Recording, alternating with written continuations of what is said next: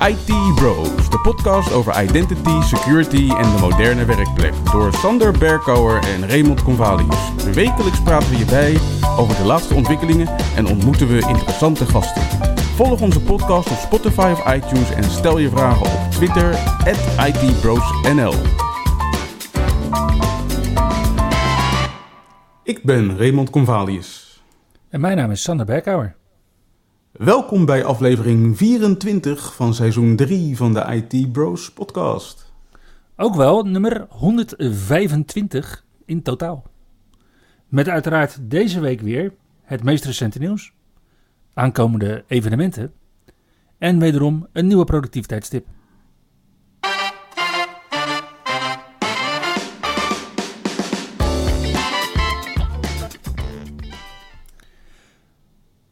Nu is het onderwerp van deze podcast identity, security en de moderne werkplek.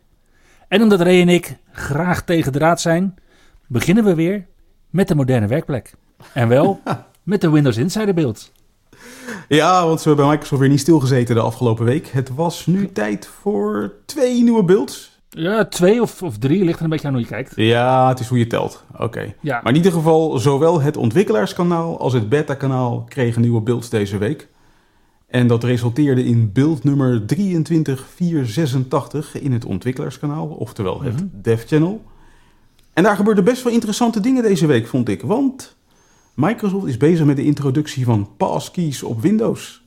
Ja, wie had dat gedacht?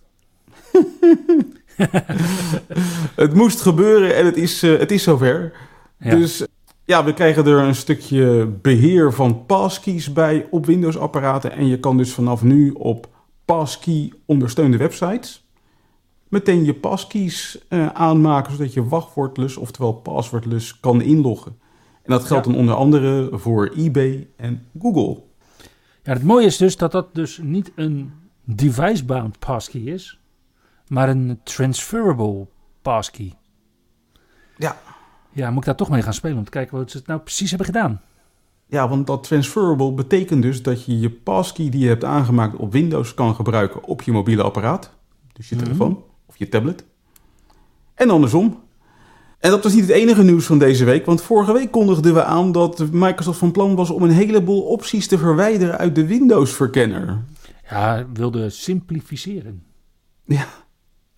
Nou ja, dat simplificeren, dat, eh, heeft blijkbaar, eh, ja, dat is blijkbaar niet zo heel goed ontvangen. Want Microsoft heeft deze week besloten om dat toch maar niet te doen. Dus alle verwijderde opties keren weer terug in Windows 11.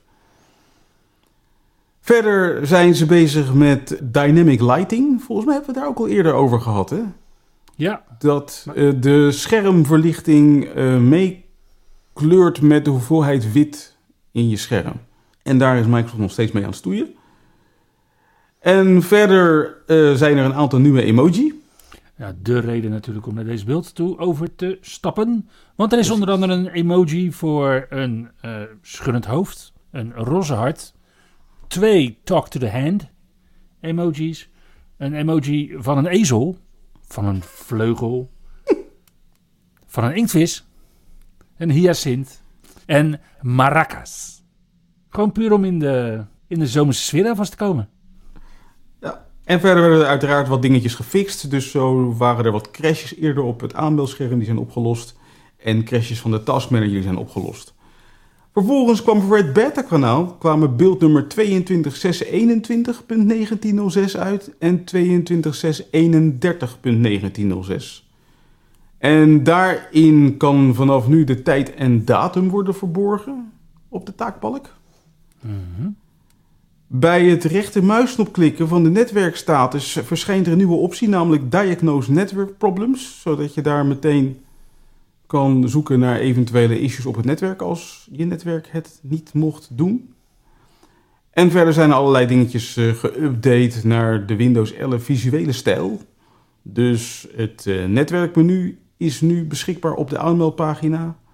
Er zijn eh, firewall notificaties in de Windows 11 visuele stijl nu. En de instellingenpagina voor de Surface Dial is onder handen genomen. Dus ook die heeft nu een modern jasje gekregen. Yes, die is nu ook fluent. Inderdaad. Kijken we dan naar de beheerkant van Windows, dan zien we dat de laatste versie van de Intune bits, waar we gebruik van kunnen maken als dienst, klaar zijn gezet. En wat we zien zijn twee grote verbeteringen. Ten eerste het stukje Mobile Application Management, oftewel MAM, voor Edge op Windows. Oh, nice, eindelijk. Eindelijk. Ja, dat is een grote. Zeker. Ja. En wat we zien is verbeterd driver- en firmware update beheer. Ook een grote. Ook best wel een grote. Ja, ja Microsoft heeft daar dik op ingezet vanuit Intune. Om inderdaad ook driver- en firmware updates uit te kunnen rollen. Ja. En wij hebben het daar natuurlijk vaker over. We hebben het er dadelijk ook weer over trouwens. Uh, lachen, gieren, brullen. Als we het hebben over de drivers en firmware. Blijft een wondere wereld. Die van de identity security en moderne werkplek. Maar daar kunnen we dus steeds meer mee. Ja, en behalve Intune werd er ook gewerkt aan de Windows Admin Center. Want daarvan kwam ook versie 2306 beschikbaar. Generiek beschikbaar zelfs. GA. En in versie 2306 kwamen er onder andere een aantal verbeteringen voor Hyper-V beschikbaar. En een hele mooie vind ik, namelijk Notepad op afstand, zodat je bijvoorbeeld je hostbestand op afstand kan openen vanuit de Windows Admin Center. Ja, ja wat ik vooral zag was, we kunnen al Azure AD-authenticatie gebruiken in Windows Admin Center, ofwel WAC. Mm En dat kon al Windows, Windows Server, maar nog niet voor Azure Stack HCI. En dat kan met deze versie wel. Oké. Ja, en Azure AD zelf, dat moet dan natuurlijk wel beschikbaar zijn. En uh, niet uh, gededost of zo. Maar los daarvan is er ook door Microsoft een kwetsbaarheid in Azure AD aangepakt afgelopen week. En het ging om een authenticatiezwakten die de heren van Dscope Security de no-auth authenticatiezwakte hebben genoemd. En zij hebben dat op 11 april gemeld. En Microsoft heeft het nu al Ah, nu pas. Nu gefixt. en wat het is, het is een, uh, het is een privilege escalation aanval tegen OAuth uh, apps. En als je een beetje bekend bent in Azure dan weet je eigenlijk dat elke app zo'n beetje een OAuth app is. Mm -hmm. En wat je met een OAuth app kunt doen, is dat je in plaats van de user principal name als aanmeldnaam hanteert, zeg je weet je wat, mijn medewerkers vinden het handiger om hun e-mailadres als aanmeldnaam te gebruiken. Microsoft's aanbeveling is natuurlijk om je e-mailadres en je user principal name gelijk te houden. Ja. Maar wij kennen allebei organisaties waar dat niet zo is. en waar de meeste mensen ook de user principal name helemaal niet kennen. En ook echt alleen maar met een e-mailadres aanmelden.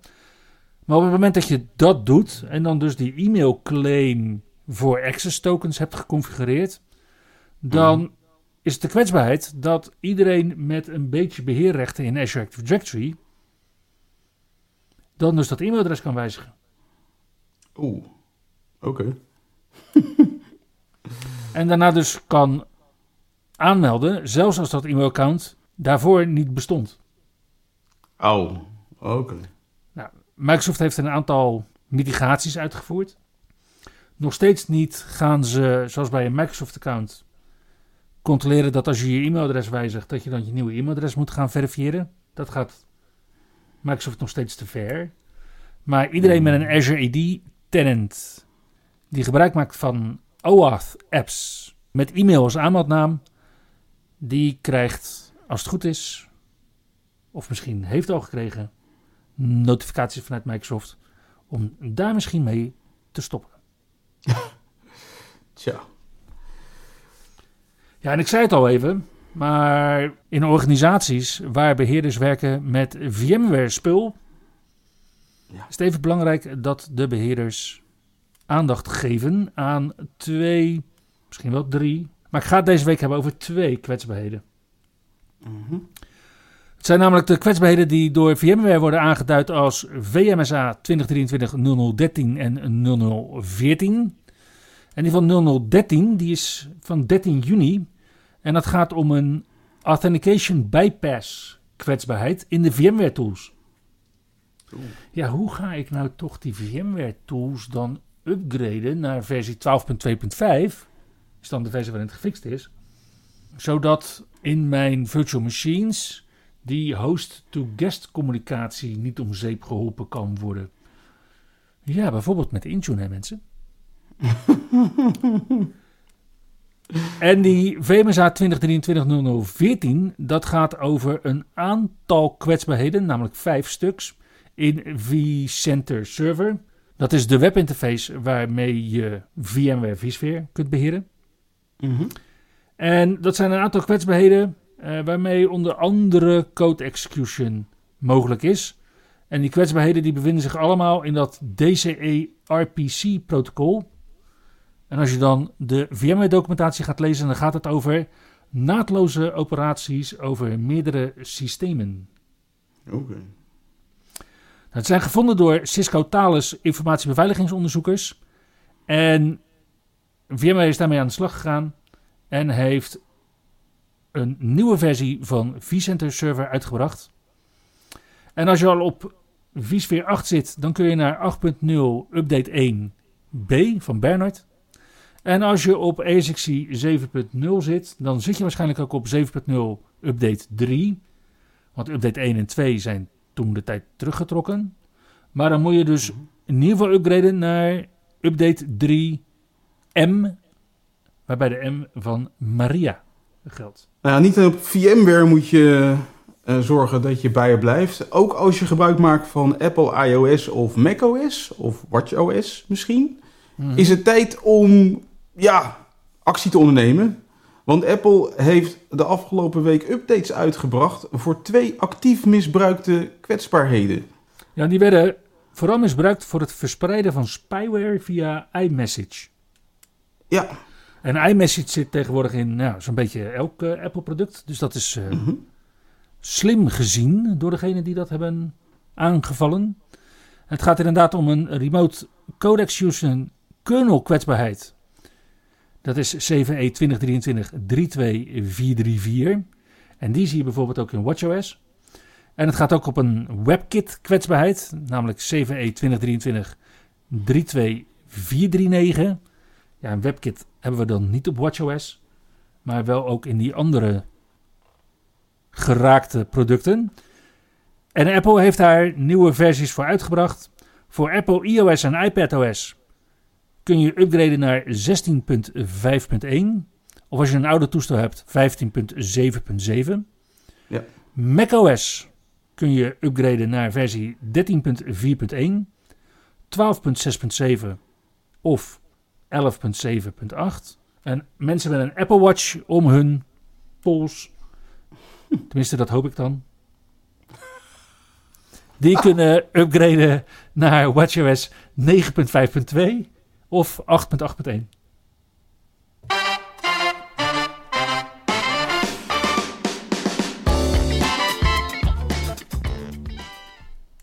Zijn we er weer? We zijn er weer. ja, we zijn er weer. Volgende week zien we drie fysieke evenementen. Ja. Het wordt een leuke week. ja, want op dinsdag 27 juni aanstaande, vanaf 5 uur 's middags, gaan onze vrienden van de Workplace Dudes los met hun meetup. Ja, een allereerste meetup. Ja, en die vindt plaats in Capelle aan de IJssel. Vanaf 5 uur 's middags. En daar zijn presentaties te aanschouwen van Jan Bakker. What's new with identity security in Azure Active Directory? Mhm. Vinden wij uiteraard heel interessant. Van Engine Soysal, van onmogelijk naar mogelijk. En Rudy Ooms, Dr. Intune, How I Stopped Thinking and Loved the Certificate. De meetup wordt afgesloten met een wrap-up en borrel van half negen tot tien uur. En op donderdag 29 januari kun je met een beetje puzzelen naar twee evenementen.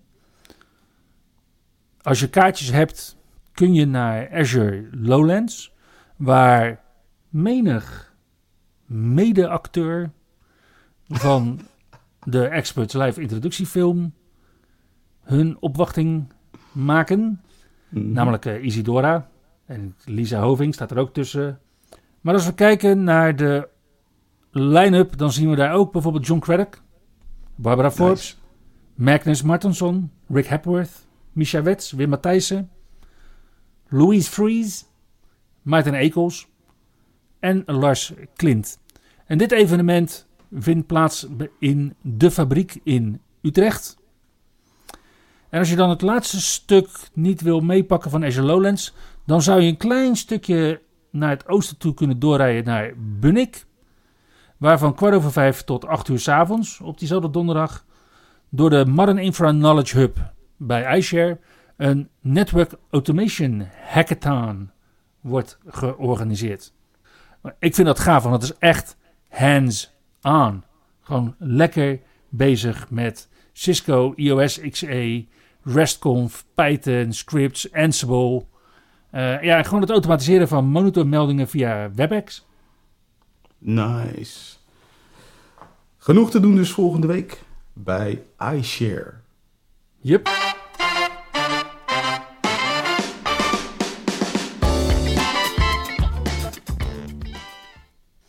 Hey Ray. Ik had zoiets raars van de week.